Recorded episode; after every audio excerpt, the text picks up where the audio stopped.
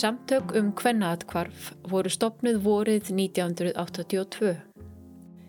Kvennaatkvarfið er heimili um stundarsakir, atkvarf fyrir konur og börn sem ekki geta búið heima hjá sér sökum ofbeldis. Í tilipni þess að 40 ár eru liðin frá stopnun kvennaatkvarsins ætlum við í tveimur þáttum að fara yfir sögu kvennaatkvarsins og að kynna okkur starfsemi þess. Ég heiti Melkorka Ólafstóttir og mun fylgja ykkur spölinn.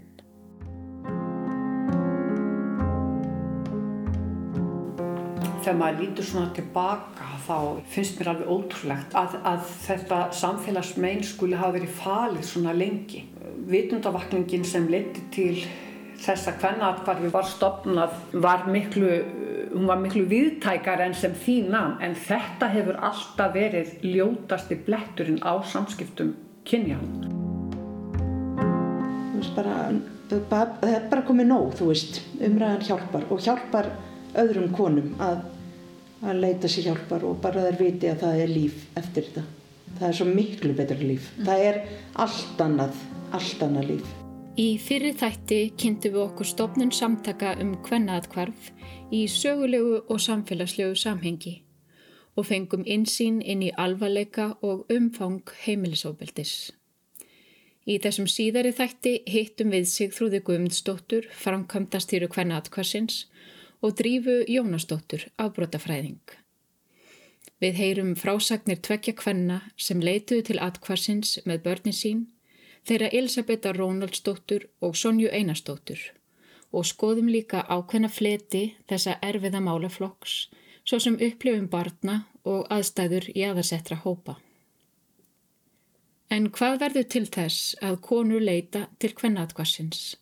Sigþrúðu Guðmundsdóttir, framkvæmdastýra atkvarsins, svarar því. Sumar vissulega tengja það við einhvern ákveðin atbur, það er kannski fyrsta skipti sem börnin eru beitt líkamlu ofbeldi eða börnin eru áhorfendur ofbeldinu eða fyrsta skipti sem hann nöðgar henni á, á veist, með afli eða eitthvað slíkt eða fyrsta skipti sem hann óttast um lífsitt en flestar eru ekki þar, þær segja bara það er bara anskotans nóg komið segja þær. Og maður veit ekki hvaða var sem fylgti, fylgti mælin sumar koma þegar eitthvað ástandið að búið að vera sérlega slæm sumar koma kannski þegar það er búið að vera skára og þá sjá einhvern veginn að já, þú veist, ég vil fara í þá átt eh, eru kannski bara sterkari þegar ekki verið að berja þeim alla, alla daga mm. sumar koma bara, þú veist, voru búin að vera lengi á leiðinu en gripu fyrsta tækifæri til þess að sleppa og veist, komast út með börnin og hérna það, það var það bara akkurat í dag en ekki fyrir fimm árum og ekki eftir fimm ár mm. sumar koma bara því að lögurklann saði, þú veist, á ég að fara með í hvenna, hvað við mm. Og, og hérna tók í rauninni ekki þá ákvarðun heldur var það einni möguleiki. Já, ég man ekki þetta endilega það var alltaf búið að ganga á ýmsu lengi en ég held að bara ég bara, allt í hennu bara randa upp fyrir mér. Af því að maður getur verið svo lengi í sambandi að reyna að láta það ganga reyna að skil og svo byrjar maður að kenna sjálfum sér um ok, ég ætla nú að gera þetta betur og vera betri að tala og vera betri að, að hérna, hugsa betur um mann og gera þetta og gera hitt og taka tillit og og svo bara allt í hennu fattar maður þetta er ekki ganga. Og ég er náttúrulega mörguleiti mjög heppin. Ég elst upp með mjög styrkan grunn. Ég veit alveg hvað er ekki í lægi sem er líka eh, forréttindi. Það eru margir sem veit ekki hvað er óeðilegt en ég vissi það. -hmm. ég vissi að það var ekki eðilegt en maður, þá kemur þetta alltaf upp maður að reyna að láta það ganga út af batnin út af þessu út af hinnu og Elisabeth Rónaldsdóttir, einn fremsta kvikmyndagerðakona okkar Íslandinga, lísti hér erfileikum sem margar konur í óbeldissambandum kannast við. Hún leitaði til kvennaðatkvarsins með tvo síni sína árið 1993. Og þetta var vel dramatíst. Hérna, ég hafði verið lókuð inni og allir skorknir okkar teknir og ég hringdi ömmu mína sem fekk bílpróf sko rúmlega 50 kom hún á bílnum og við komumst út um glöggaðana og hérna í mann það var rosa hasar og henni fannst pinn gaman af söllu eitthvað að gerast sko. Mm. og hérna keirði okkur upp á atkvarf mig og tvo sinni mína. Þegar Elisabeth kom til dvalar í kvannatkvarfinu hafði atkvarfið verið starfrætt í tíu ár og þegar verið mörg hundru konum skjól og styrkur Samtökum hvernaatkvarf höfðu aukþesslagt mikið á mörgum til þess að auka meðvutund um samfélagsmeinið sem heimilisofbildi er. Amma mín og báðar koma af þessar kynslu þar sem maður stóð með sínu manni og önnur amma mín bjó með miklu markólista og hún, og þegar maður finnur það svona hjá þessar eldri kynslu og ég er alveg á mörgunum þarna á þessari kynslu að maður stendur með sínu manni sama hvað gengur á. En það var rosa þægilegt að koma í umhverfi þess að þessi krafa var bara alls ekki til staðar. Mm. og ég meina alls ekki, það var ekki þannig að mömmunni þetta ég ætti að vera í þessum veruleika. En það er bara þessi hugmynd að maður reynir að laga hlutina og standa með sínu manni og allt þetta sko sem ég fannst alltaf merkilegt. Og svo ég og amma vorum rosalega góða vinkunur og hérna og amma komst af yfir og ég held að það hefði kannski verið alltaf sjokk fyrir hana að fatta að auðvitað hefði hún ekkert að láta þetta yfir sér ganga. Auðvitað hefði hún átt að fara sem var náttúrulega senkt fyrir hana af við það dáin. En þú veist hvað ég menna þetta er svona erfitt einhvern veginn að sætta sig við að maður hefði setið í ofbeldissambandi í raun. Ekki það að það hafi verið ofbeldisföllin en það var mjög grekkin og hvarf oft heilu dagana og svona. En þú veist þessi hugmynd að, að maður þurfi ekki að láta það yfir skanga var alveg svona alltaf nýð fyrir henni. Mikilvægt er að hafa í huga að heimilisofbeldi getur verið að margvíslegum toga. Ofbeldi er ekki alltaf líkamlegt en oft er um fleiri en eina tegund ofbeldis að ræða sem getur verið líkamlegt, andlegt, kynferðislegt, fjárhagslegt eða stafrænt, auk ímiskonur hegðunar sem felur í sér ógn, hótun, stjórnun eða þvinganir. Líkamlegt ofbeldi er þegar líkamlegu afli er beitt gegn öðrum einstaklingi, hvort sem líkamlegu skaði hlýst af eða ekki. Algengt er að líkamlegu ofbeldi sé beitt í kjölfar andlegsofbeldis sem hefur verið til staðar um tíma. Fjárhagslegt ofbeldi er leið til að stjórna makanum í gegnum fjárhag. Afleðingar geta verið þær að þólandi einangrast, missi sjálfstæði sitt og finnst hún eigi erfitt með að yfirgefa geranda þar sem þólandir orðin fjárhagslega háðunum. Andlegt ofbeldi getur verið í formi orðaskipta eða í formi líkamstjáningar. Samskiptin ennkennast oft af nýðulægingu og er yfirleitt leið annars aðilans að ná stjórn á eða völdum yfir makanum. Hú, á þess að ég segi að gera lítið úr líkamlega ofbeldi sem er bara alls ekki gott eða þægilegt á neitt ná.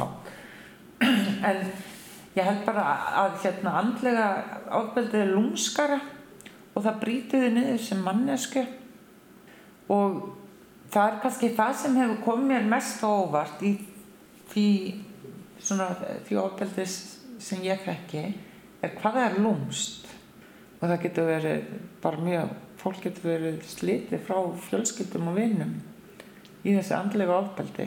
Það er svo erfitt að setja fingur á hvernig þetta byrjaði eða hvernig þetta ógs eða hvað, einhvern veginn.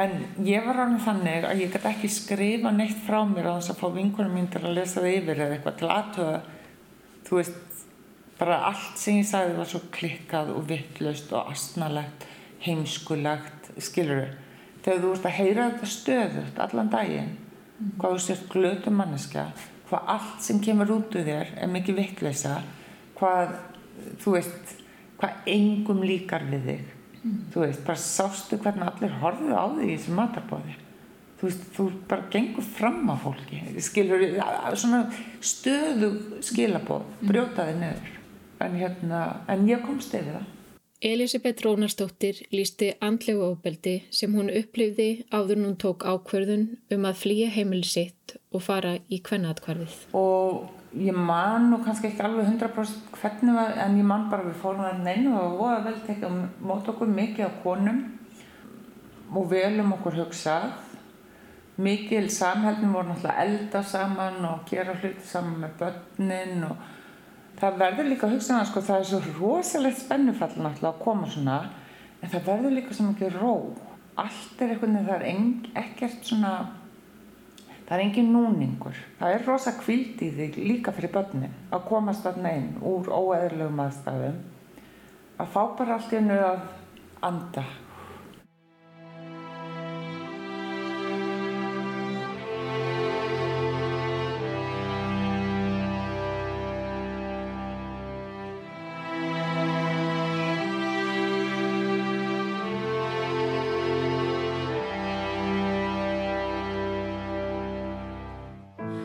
tell me it gets better, it gets better in time. You say I pull myself together, pull it together, you'll be fine. Tell me what the hell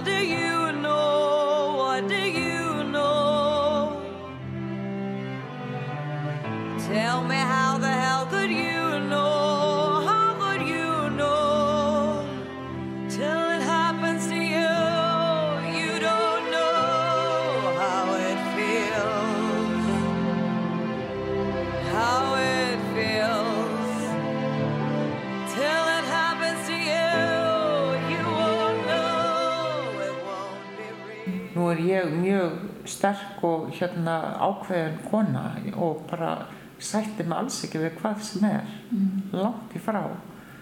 En ég lendi samt í þessu og auðvitað líka flækir það bara að vera með barn og hérna, en auðvitað geta allir lent í þessu. Þetta er ekki, þetta er ekki merkjum einhverja veiklun eða þetta eru aðstæður sem þú lendir í. En svo er hræðilegt að komast ekki úr þessum aðstæðum.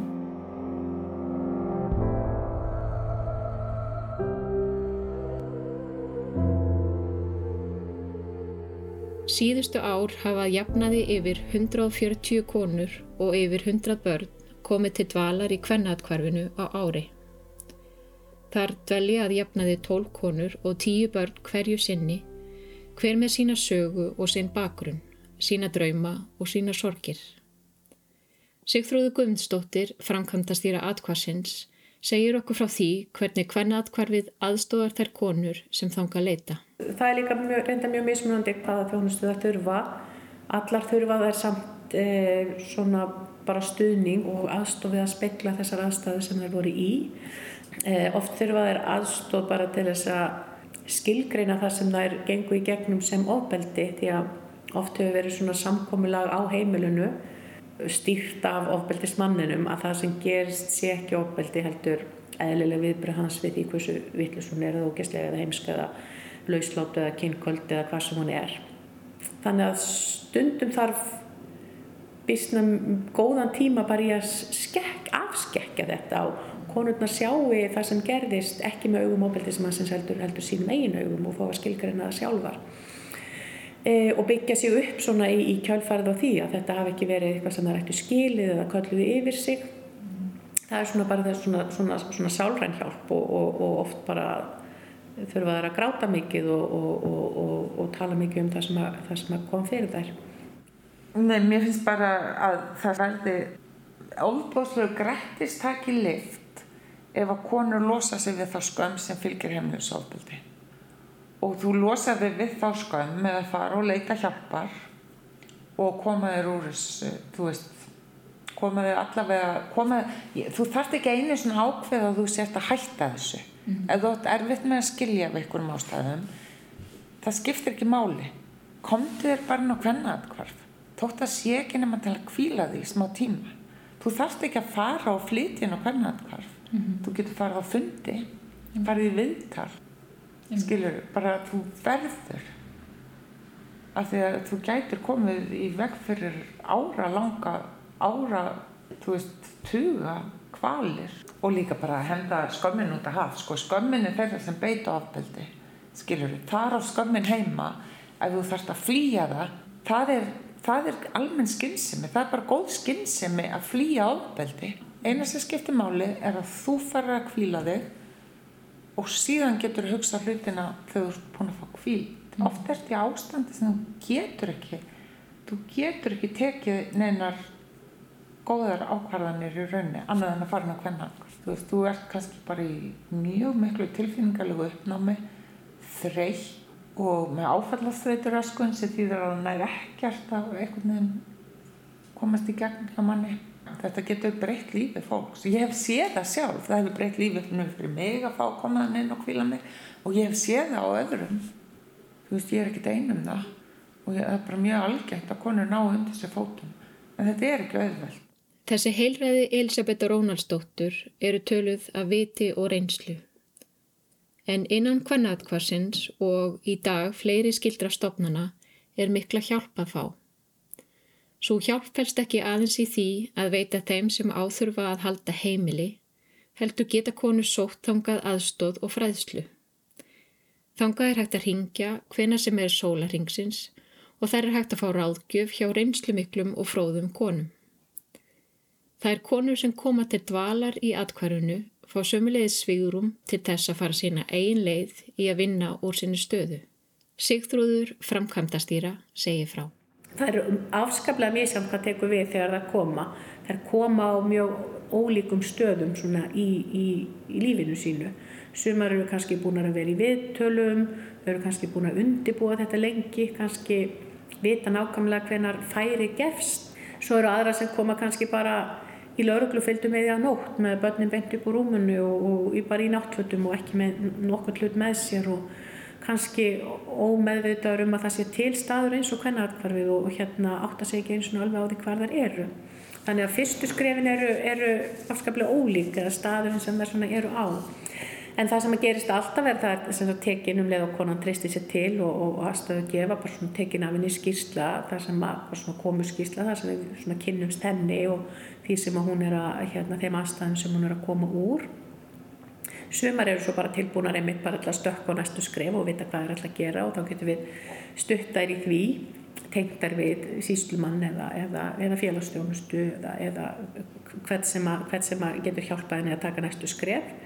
Aðra þurfa kannski bara fyrstu dagina til þess að bara fóta sig, kannski þurfa bara að sofa mjög mikið eða gráta mjög mikið eða eða ætla sér ekki að vera lengur og vilja bara fara heim en, en kannski ákveða að vera eitt dag í viðbútt og svo eitt dag í viðbútt og svo eitt dag í viðbútt eh, og þurfa kannski að, að, að horfast í auðvitað þann möguleika í fyrsta sinn að, að verða einar án mannsins. Kannski á Íslandi einar án maka sem að tíði kannski að þeir eiga engan af á Íslandi eru óvissar um hvort að, að dvalaleifið er að haldið að loknum skilnaði þannig að það eru alveg svona miljón hlutir sem að sem að geta flægt, flægt þetta ferli mm. e, og svo getur ofbeldismadurinn flægta mjög mikið líka hann getur sundum fyrst okkur þeir vera hérna með í hérna í, í dvölinni því að þeir kannski hafa mjög ítrekka samband og, og konunum finnst erfitt að viti ekki hvað þeir eru að brasa þannig að þeim finnst erfitt að loka algjörlega á þá þó það er tröfli mjög mikið þetta ferli sem þeir eru að gangi í gegnum Formi og aðdraganda heimilisofbeldis má oft lýsa sem ákveðnum ofbeldis hring, þar sem spennan í sambandinu magnast upp í ákveðin tíma og endar með einhvers konar sprengingu. Við það fellur allt í dúnalogn og þá taka gerðnan við svo kallaðir kveitibröðsdagar, þar sem gerandin snýr blaðinu jáfnvel alveg við með miklu skjalli og gillibóðum. Svo byrja spennan aftur að byggjast upp og hringurinn rúlar að stað. Drífa Jónasdóttir afbrótafræðingur starfaði um árabil í kvannaðatkvarfinu og rannsakaði sérstaklega enginni kynbundins ofbeldis. Ég held að þessi bölva nánt sé límið í þessum ofbeldissamböndum. Þú veist, ef ég segi þig, mér finnst þú bara voðalega leðileg kona eða eitthvað, þá er þú bara, já, ok, þú ert líka dónlega, já, bless. Þú veist, þannig er ekki lengra. En ef maki maður segir því og þá maður bara, nú, hvað, hvað munir þessi leðilega hvað liti? Eða þú veist, það er svo, það er svo mikið, miklu meiri kraft, miklu meiri áhrif, miklu meiri, þú veist, það verður svo djúft inn í mann maki mann segja við mann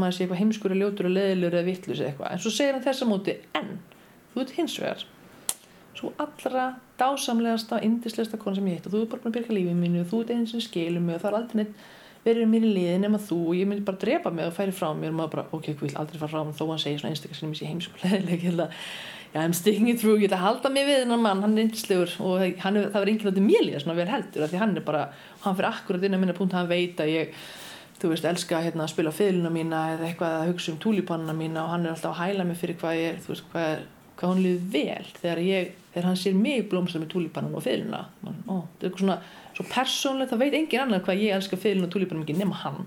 Og hann er að skilja þetta það verður svona eitthvað svona óþólandi tenging og nánd sem verður límið í þessi samböndum og þá er svo erfitt að fara mm -hmm. þú veist. Og, og ég er búin að standa með honum í gegnum sústunum þetta er alltaf sama sagan, það er náttúrulega stórkvæslegt að vera eitt verkefni sem við gerum í aðkvæðinu með svona upplifum hvernig persónuleikunum þeirra bara svona hvernig týpa er hann svona. Og þarna alltaf sama sagan afbreyðisamur uppstökkur og stjórnsamur og bla bla bla þú veist og hrókur alls fagnaði þegar maður fór eitthvað út sko, finnasti maðurinn alveg en svo aldrei dreifbústur afbyrðið sem einhvers svona, svona eignarhalds minnumáttar kent alltaf hver er þetta? Og þú veist, þekk, hvernig þekkir hann? Bara, ég hef með hann í fimmleikum þegar ég var áttara já, ég sé að hann er að leika myndina þinnar bara, já, hann býr Eþjópíu og er hérna samkynniðu, hvað með það? Já, ég, mér finnst ekki þið vera vinnir og, og, svona bara og já, svona treysta manni ekki, bara hvað ertu með hverjum hvernig kemur heim, hvað eru lengi, hver á þetta og hvað varstu núna og maður sé það símaðin og hver er þetta að læka þetta og bla bla bla og, mm.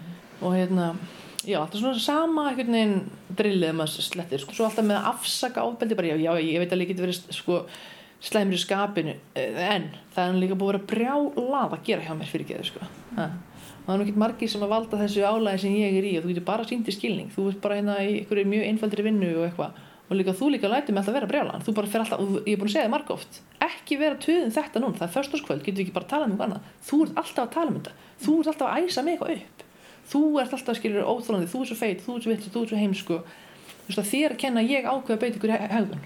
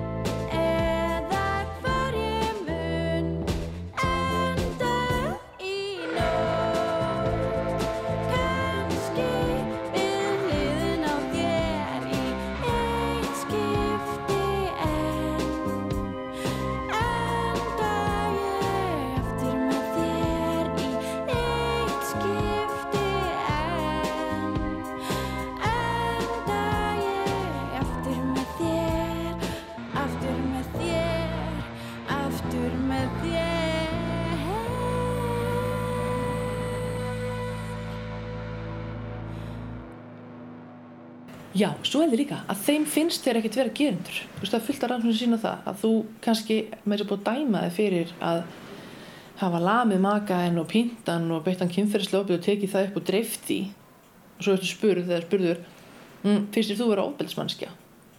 Þá segja það þessi gerendur bara nei. Segja ekkert já, já, ég er rosalega ofbeldiskona, ég verða að fara að hætta þessu. Þú veist, að því að fyrir þeim þá er þetta, þú veist, það sé líka svo stóri vandi. Hvað er og það er líka bara skrýmsla að veða svo mikið. Þetta er ógeðslega narsisísk skrýmsli eitthvað svona blei blei blei þetta eru bara venjulegir einstaklingar út í bæ konur og kallar mm. þetta er bara nákvæmlega velið fólk. Og það er alltaf núna bara mjög áhugavert því sér umræði bara þessi, já, þessi hérna komið ykkur viðtal og þessi me too og þessi, ha, hvað þannig er svo skemmtilegur og snjör hann var með hérna að deyta frængu mín eða, eða hún var að deyta frenda mín eitthvað skilur, bara það getur ekki verið þessi einstaklingur. Hún er svo fín og flott og hún er með fimm háskóla grað, bara, hún er bara vist ofbeldiskona, hún er bara vist með bönnin sín og það er bara vist staðan eða, skilur. Mart hefur breyst varðandi gerendur í kynferðisofbeldismálum síðustu ár. Með sífælt meiri vitundavakningu og skýrari kröfum samfélagsins um að þeir sem beita ofbeldi axli ábyrð á sínum gjörðum. Hér er Elisabeth Rónaldsdóttir aftur. Umræðin er miklu opnari en það er samt ennþá glæpsamlegt að nefna eitthvað, skilur þau? Mm -hmm. Af því að það ekki auðvitað og ég, þetta er rosalega flókið og erfitt mál af því að nei, ef þetta viltu ekki að það sé að draga fólk í svaðið og hugsanlega saklaust við forðið því. En hérna en mér finnst rosalega vindarlegt að konur eru ennþá vændar um að eðilegja menn með því að nefna fyrir jafnveg vilt ofbeldi sem er ennþá í gangi. Mm. og þetta er líka bara því að eins og við sjáum sumir af þessum mennum sem við verðum að nefna eru bara ræð ofbeldismenn þeir fara bara frá einni stólkun yfir í aðra. Mm veist, verður, þetta er eitthvað sem bara verður að taka stáðið. Guðrún Jónsdóttir, fyrirverandi talskona stígamóta, þekkir þessi mál vel. Og svo bara allt það sem að ég sitt inni með hafandi verið í svona geira svona lengi. Ég held ég hafa aldrei sagt það en bara allir þeir kallar sem að hafa verið til umræðu um, inn í þeim herbyggjum sem ég hef verið í sem að engan skildi óra fyrir að hafi átt konir í atkvarfi eða á stígamótum eða eitthvað slíkt. Það er eitthvað sem við þurfum bara að bera. Og ég er snillingur í að láta þessi leka inn um annað þeirra og út um hitt og ég er raunverulega að gleymi þeim. En, en um, þeir eru ansið margir. Og all, allar þessar tölur sem við heyrum þær eru svo gætnan sundulíðar hversu margar leitu ég man, man aldrei tölur hvort það voru 200 og eitthvað nöðganir á síðast ári sem voru kærðar svo bætur við einhverjum 300-400 sem koru til stígamót og svo öðrum hundruðum sem fór í bjarkalíð og einhverjum hundruðum sem fór í kvennaðarfarfið. Komur kvenna í kvennaðarfarfið árið 2020, 728. Komur í bjarkalíð 827. Fjöldi tilkynntra nöðgana árið 2021, 220. Fjöldi kynferðisbrota gegn börnum 142. Ef þú býr til einn pottur svo öllu saman þá færðu tölur sem eru sko óbærilegar. Ef við hugsum um alla gerenduna sem eru á bakvið þessa tölur átt að flesti sig á því að meðal þeirra hljóta vera menn sem við konnumst við og að kynferðisafbrótamál kom okkur öllum við. Hér er Guðrún Jónsdóttir aftur. Eitt af verkefnunum mínum í Noregi hérna þegar ég var að vinna þar fyrir norsku kvennaðatkvararhefinguna var að e, við heldum ráðstefnu árlega öll atkvarfinni Nóri með barna og fjölskyldum á ráðinitinu og hittumst þá í Oslo og ég var einhvern veginn að reyna að vika út sóndeldarhingin frá því að snúast all, öll tölfræði hefur alltaf snúist um konurnar og börni hversu margar voru barðar hversu margar þurft að vera í atkvarfunum hversu mörg börn gátt ekki verið heimi hjá sér og allt þetta. Og það er mikil eh, menning í Noregi sem snýst um það að halda flóamarkaði. Þannig að það er alltaf mikið aðgengi að notum fötum og ég bað öll atkverfin að sanga að sér kallafötum. Það voru prestaföt og það voru lögrugbúningar og íþróttabúningar og allskynns kallaföt. Og svo hengdu við upp snúrur fyrir framann stóltingið á löfebakkan, fengum leifi hjá lögruglunni fyrir því og svo voru öll atkvörfinn búin að sakka, snúa tölfræðinu sín á haus þannig að það var ekki eitt einasta orð um konur og börn heldur engungum hversu margi kallar heldur búið einir vegna þess að konurnar voru í atkvörfunum það árið hversu margi kallar hafðu nauka og svo og þannig öll statistikkin var bara um og við hengdum þessa statistik á þessi kallaföld og þetta vakti mjög mikla aðtikli og síðan endur tókar þetta ár eftir ár eh, bara til þess að fókusera á þennan þátt. Og mörgum fannst ég náttúrulega ákaflega óþægileg, finnst það alltaf en, en það þurfti. Feminists don't have a sense of humor. Feminists just want to be alone. Boo hoo hoo hoo Feminists spread vicious lies and rumors. They have a tumor on their funny bone. They say child molestation isn't funny. Ha ha ha ha. Rape and degradation's just a crime. Lighten up, ladies. Rampant prostitution, sex for money. What's wrong with that? Can't these chicks do anything but whine? Dance break.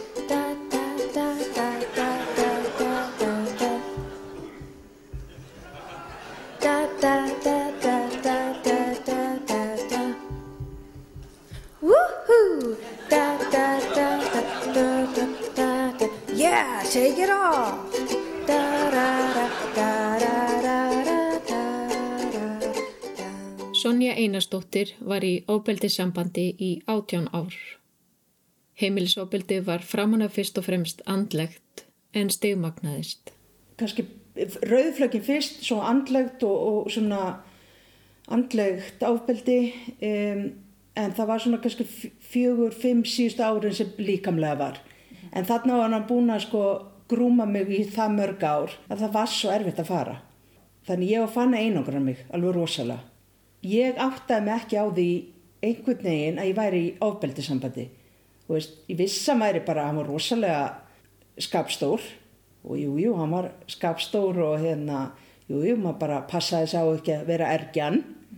Og hérna, og svona eins og svona minn nefndi að tipla á tánum til að pyrriki ég man bara og, og það er svo finn ég get einhvern veginn frekar lísti í hvernig börnum ég lýsa mér.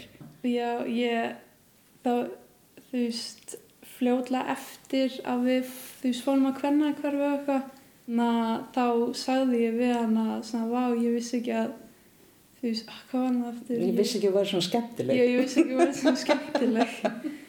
Þetta, ég þú veist, ég hafa alltaf séð mömmu mína sem bara þú veist bara kona sem kemur heim eftir vinnu og fer upp í sófa og er upp í sófa allan tíman og nennir aldrei að gera neitt og síðan allt í einu var hann bara til að fara í hvað, þú veist, hlaup og þú veist, bara gera mm, margt og mikið og mér fannst það svo öðruvísi Þú er búin að endurheimta mömmu þína. Já, Dásamlega.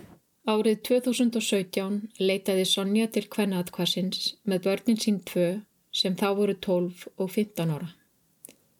Vissara er að vara við kvemma við lýsingunni sem fer hér á eftir. Þá var ég búin að, búin að upplifa bara versta ofbeldi sem ég hefði þetta stigmagna, það líka stigmagnaðist og ég veit það bara hefði ég verið áfram þá hefði ég alveg dáið sko, hann hefði náða að drefa mig. Það var bara, það var svo mikið ofbeldi. Það var kýlingar og spörk kýrkingar um, lamdi mig með flösku höfuðið hótaði að henda mér fram á svölunum. Og einhvern veginn nægi bara að losna og ég, ég var þarna á bara hlýraból, nærbuksum ég næði að grípa flýspeysu og síma og hleypar út. Í fyrsta skipti ákvað ég að ringi eitthvað bara að ég hafði aldrei gert það að því það vissi það enginn. Og lögum að koma bara á tveim bílum og á bara núleitni og, og hann tók að hann og, og hérna við fórum inn og þá tók við þetta þetta hérna kerfi sem við nota höldum glugganum opnum Hér vísa Sonja í nýtt verklag viðbrasaðila sem útskipt var nánar í síðasta þætti og fælst í því að bæði rannsóknulögregla og félagsmála yfirvöld bregðast trætt og vel við hjálparkalli vegna heimilsóbeldis. Að hluta þakks ég þessu nýja verklagi tókst Sonju Einarstóttur að brjótast út úr 18 ára óbeldissambandi og fara í kvennaðkvarfið. Sonja og börnin hennar hafa lagt sér fram við að vinna úr sinni erfiður einslu og að tala um hana. Meðvituð um mikilvægi umræðunar í að hjálpa öðrum sem búa við svipaðar aðstæður. Hér heyrum við Emmu segja frá sinni upplifun. Já, ég, ég skildi ekkert hvað var í gangi út af því að næsta morgunin vaknaði bara fyrir skólan og átti vona á mömmu minni að koma inn og vekja mig en síðan var það frænka mín í staðinn og ég og bróðum minn voru enda, endalist að þú skiska hvað væri í gangi og við vorum að koma upp með svo skrikna hluti eins og ég held að, það var ég sem sagði eitthvað svona ó, kannski erum við að fara til útlanda þegar mamma og pappa eru að koma heim og við erum að fara til útlanda og eitthvað hannig og ég man að því ég sagði þetta frænka mín horfið á mig mjög alvarlega og sagði bara þeir eru ekki að fara til útlanda. Og ég veit ekki af hverju en þá var eins og ég bara fattaði allt í einu hvað væri í gangi og það hefði eitthvað vant gæst mömmu og að það hefði verið pappi minn sem gerði það. Og síðan fljóðlega eftir það þegar ég sagði svona ég held að ég veit hvað þetta er um þá knúsumst við eitthvað og ég held að bráðum minn fattaði þá líka.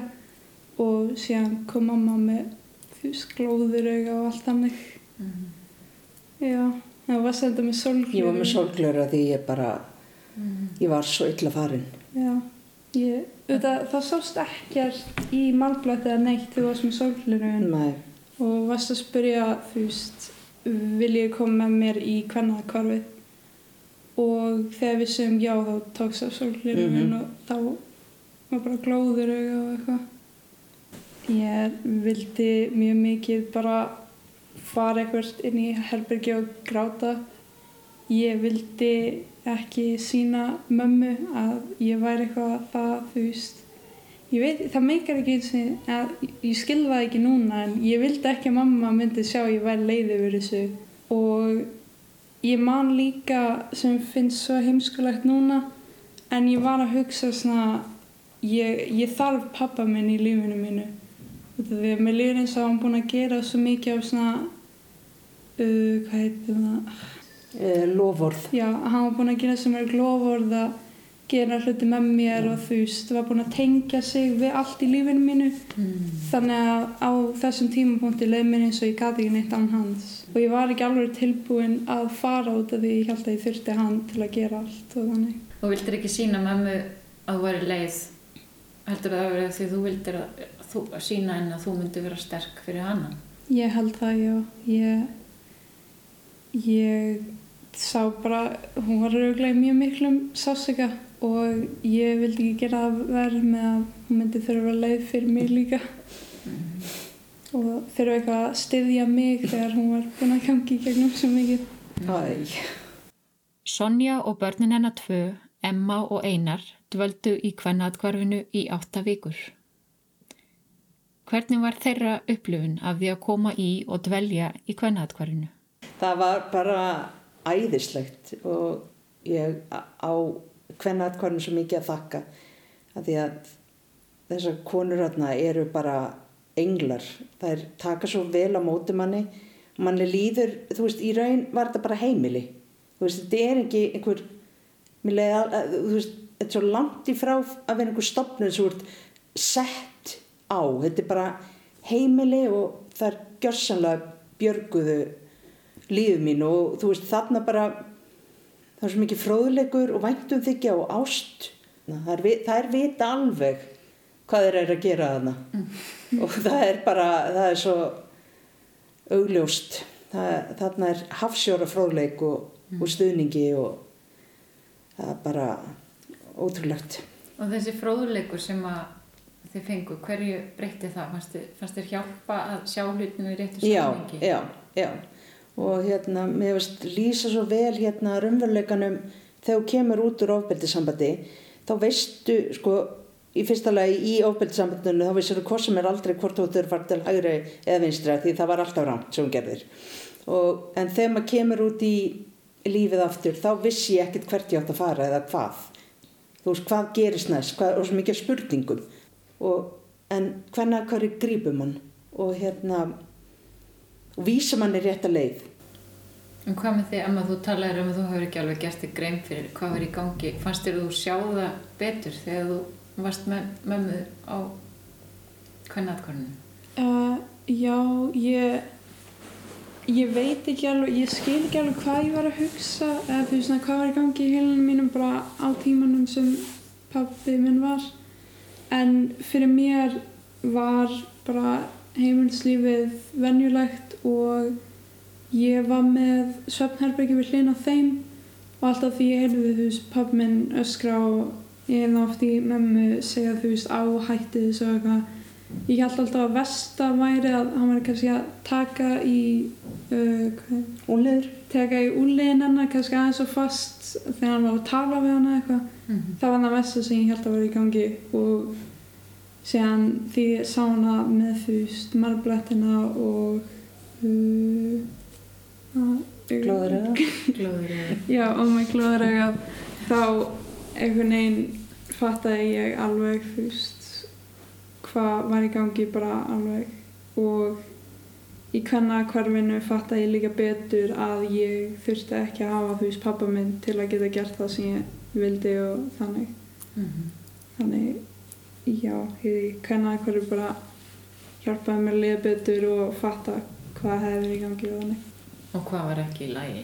já, Heimilsofbeldi hefur gífileg áhrif á þau börn sem við það búa og rannsóknir benda til þess að sá skaði sem börn verða fyrir sem vitni að heimilsofbeldi sé ekki minni en skaði sem yrði ef þau sjálf yrðu beitt ofbeldi.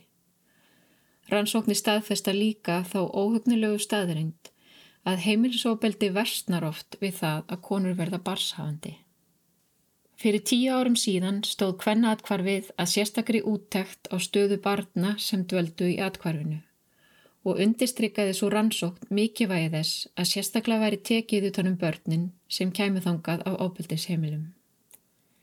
Síðustu ár hefur kvennaatkvarfið lagt sífælt meiri áherslu á stöðning og aðstofið börn og nýlega var áðin sérstakur barnastarsmaður til atkvarsins sem bæði mætir þörfum barnana og gefur mæðurinum meira rými til að vinna sig út úr langvarandi óheilbriðum aðstæðum. Hlýðum á heilræði mæðgnana Sonju og Emmu til þeirra sem búa við heimilisofbeldi.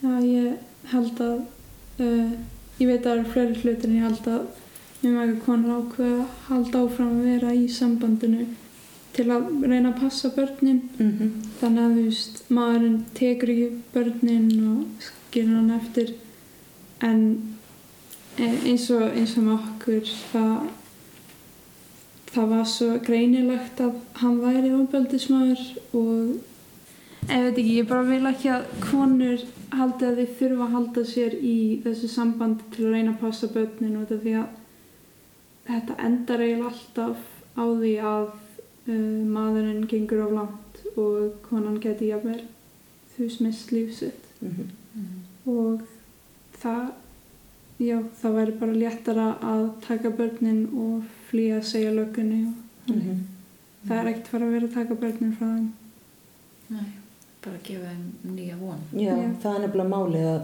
konu finni að, að það er von, það er líf. Meiri stuðningu við börn er eitt af því sem kvennatkvarfið hefur lagt aukna áherslu á undanfarin ár. Stórt skref var einni tekið með tilkomi nýs áfangaheimilis sem opnað var haustið 2021. Í áfangaheimilinu eru átján íbúðir fyrir konur og börn sem geta ekki snúið aftur á fyrra heimili eftir að dvöl í kvennatkvarfinu líkur. Gildi áfangaheimilisins, sem er svo kallað annarstegsúræði, felst í því að lengja þann tíma sem konur hafa til að fóta sig í oft mjög krefjandi aðstæðum, líka frammi fyrir erfiðum húsnæðismarkaði og ýmsum tímafrekum kerfisflækjum. Sonja þekkir ofbeldisringin af eigin raun og tekur undir mikilvægi áfangaheimilisins fyrir konur sem flýja heimilisofbeldi. Að gefa konum að því að það eru svo margar sem fara aftur tilbaka. Sem ég skil líka, ég dæmi það ekki og mun aldrei dæma það. Það er svo erfitt þegar þú ert að reyna að losna að þá er gerandin enda lausta hvað býður og lofa allir fagrum, loforðin eins og við tölum um og sérstaklega er kannski kona af erlendum uppruna og flytur hinga til landsins út af sínum geranda að hvert áttu annars að fara. Hlutvall erlendra kvenna í kvennaatkvarinu í Reykjavík hefur hækkað talsvert síðustu ár. Konur og erlendum uppruna þurfa oft annarslags stuðning þegar í atkvarfið er komið, til dæmis upplýsingar um forsjármál, atvinnu og húsnæðismál, heilbriðiskerfið og fleira. Drífa Jónasdóttir kannadi sérstaklega hvers vegna konur af erlendum uppruna leita síður eða seint til kvennaatkvarsins. Ótrúlega mörg þessu I didn't know. Þú veist, bara var ég í þessu umulega sambandi í 15 ára, 13 ára eða eitthvað. Ég vissi ekki að þetta mætti ekki, ég vissi ekki að hann var bara plata þegar hann sagði að ég myndi, þú veist, hann myndi taka börnin okkar af mér og ég er sendt einn tilbaka til það sem ég kom. Ég held ég hefði engan rétt. Þannig að eðlilega kannski er það ekkert með eitthvað nákvæmlega reynu sínu stöðu og þeir kannski nota sér það eitthvað tilfellum. Vita að þær er ekki upplýstur og segja bara þá hafa miklu meiri völd sko. Það er náttúrulega, þú er ekki verið með neitt voðalega mikið derring þá ef að þetta er í húfi að börnum vera tekin, ég fæ aldrei að sjá þau aftur. Þú veist, mar margir trista bara ekkert kerfinu sínu sko. Er ekkert vanir því að komi bara einhver aðstóð og, og hérna og þeir, verið bara skuttlaði kvenna atkverfið og fáir þar eitthvað sko, bara fáir íbúð þar og eitthvað, það er hérna hvernig eiga þær að vita það? Það er einhvern sem segir þeim það. Kvennaatkvarfið hefur lagt á það áherslu að ná betur til þessara oft einangruðu kvenna og koma til mótsviðar meðal annars með því að þýða fræðsluefni á fjöldatungumála og veri í samstarfi við ímsarstofnanir og fyrirtæki til þess að koma upplýsingum á framfæri um starfsemi atkvarsins. Guðrún Jónsdóttir fyrir um talskonastígumóta tekur undir mikilvægi þess að reyna ná til jáðarhópa í íslensku samfélagi. Svo höfum við auðvitað orðið meðvitaðar og meðvitaðar til dæmis um fatlaðar konur, útlenskar konur, alla þessa minni hlutahópa sem að alltaf eru ekstra útsettir og að passa að hafa pláss fyrir þessa hópa og hérna vera meðvitaður um að því, því minni, því veikari, því jaðarsettar sem það er, því meiri er hættan á að setja beitt ábeldi. Það er svo margt sem við þurfum að taka inn í. Og eitt af því sem ég hef alltaf haft mikið áhuga á það eru kallar. Þar hefur líka mjög mikið gerst, það er áttin sem við þurfum að fara í.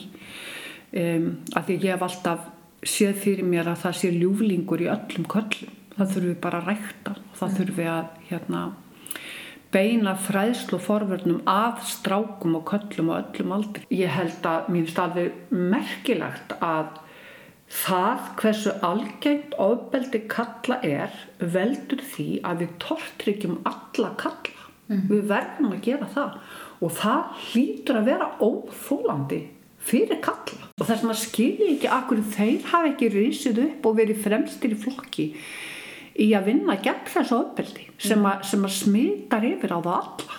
En það, þeir einhvern veginn líti ekki á sig sem hópferur þegar að þessu kemur. En þegar að kallar strákar ná sér á stryk þá er þá, þá held ég að þeir gætu unnið þrekvirkju. Og ég held að kallar þurfa að vinna þessa vinnu Elisabeth Gunnarsdóttir, einn þeirra öflugu kvenna sem stóðu að stopnun samtaka um kvennat kvarf snemma á áttunda áratögnum, tekur undir þessi vongóðu orð Guðrúnar um Karla. Og núna eftir, eftir MeToo kannski kemur eitthvað út úr því hjá þeim þar sem þeir takið sér saman. Þetta er ekki heldur hægt fyrir kallmenn að horfa upp á fjöls, einhverju fjölskyldun eða vini sín eða kunningja haga sér svo skemmur. Ég held anna, annars vegar sko umhyggju fyrir mönnum sem þú þekkir og hins vegar það að liggja ekki undir einhverjum ábyrði eða grunnsöndum ef að menn, karlmenn notuðu það til að taka höndum saman að, að breyta ég veit það þeir verða að finna út úr því að við getum ekkert fundið út því fyrir þá. Mart hefur unnist á þeim 40 árum sem liðin eru frá stopnun kvennatkvassins. Þau sé fyrst og fremst rótækum hugssjónakonum sem ekki sætta sig við ofbeldi í gard kvenna og barna. Og bara, bara þessa dagana eru alls konar góði hlutir að gerast, ekki síst vegna þess að, að, að konur í hópi þólenda hafa bara verið svo hugrakkar að stíga fram og, og, og, og það er búið að búa til þær aðstæður og þær geti gert það annars að vera hérna algjörlega grafnar í kafa aftur en held, mér finnst einhvern veginn vandi ennþá bara einhvern veginn þessa skil, skilning á því að þetta er samfélagslegu vandi sem kemur einhvern öllum við. Í þessum setni þætti af tveimur um hvenna atkvarfið á Íslandi kynntust við daglegu starfi atkvarsins, heyrðum frásagnir dvalar hvenna í atkvarfinu og skoðuðum á hvenna fleti þessa erfiða málaflokks. Stöðugt er unnið að því að bæta aðstöðu og þjónustu kvennaatkvarsins og á næstu árum stendur til að byggja sérstakt hús fyrir kvennaatkvarfið í Reykjavík. Það verður í fyrsta skipti sem það flytur í sér hannat hús fyrir starfsemina. Loka orð og óskalag á Sigþrúðu Guðmundsdóttir framkvæmda stýra kvennaatkvarsins til 17 ára. Ég þakka ykkur kæru hlustendur fyrir áhernina og fyrir að láta ykkur málið varða. Það er svo margir hérna úti sem finnst þér eiga hvernig þetta hvarfið. Vilja því svo gott og mikið af svona hlýjum, hlýjum ströymum sem kemur þar inn sem að ég, mér finnst svo vættum, ekki síst fyrir hönd þeirra sem dvelja hjá okkur og nýta þjónustuna. Það er alveg óbáslega vættum og finnst það fallegt og held að eigi, eigi rætur þarna 40 ára aftur í tíma. Það er þetta var svo stórkvæslegt. Hérna reynum þetta að koma því áfram svo til þeirra sem að sem að væntum ekki en beini stað sem eru, sem eru, sem eru konar okkar.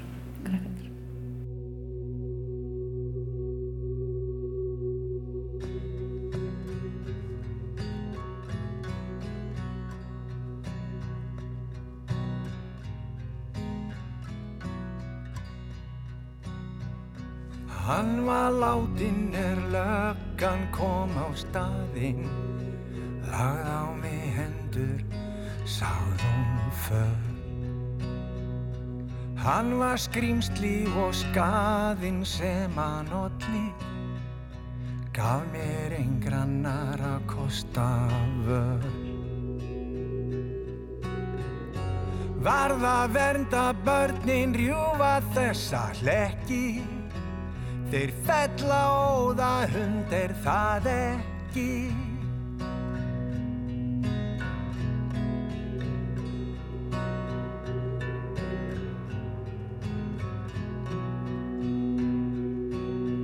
Hann lá á gólfinu á grúfu við borðin Fyrir utan blikkandi bláljós Í augum hennar var óveðrið horfið.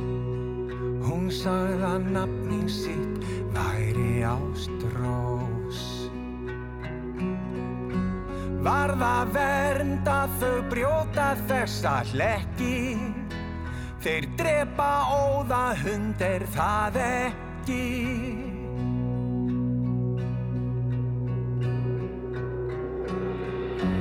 Fyrstu árin, fyrstu tárin Fyrstu sárin, aftur og aftur.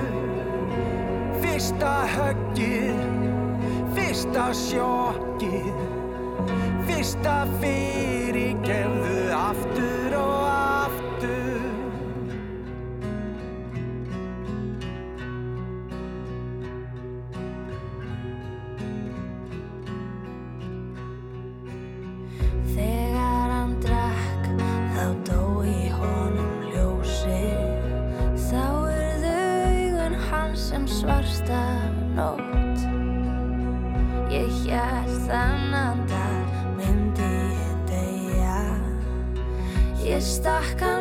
nótar sinnum þar til allt var hljótt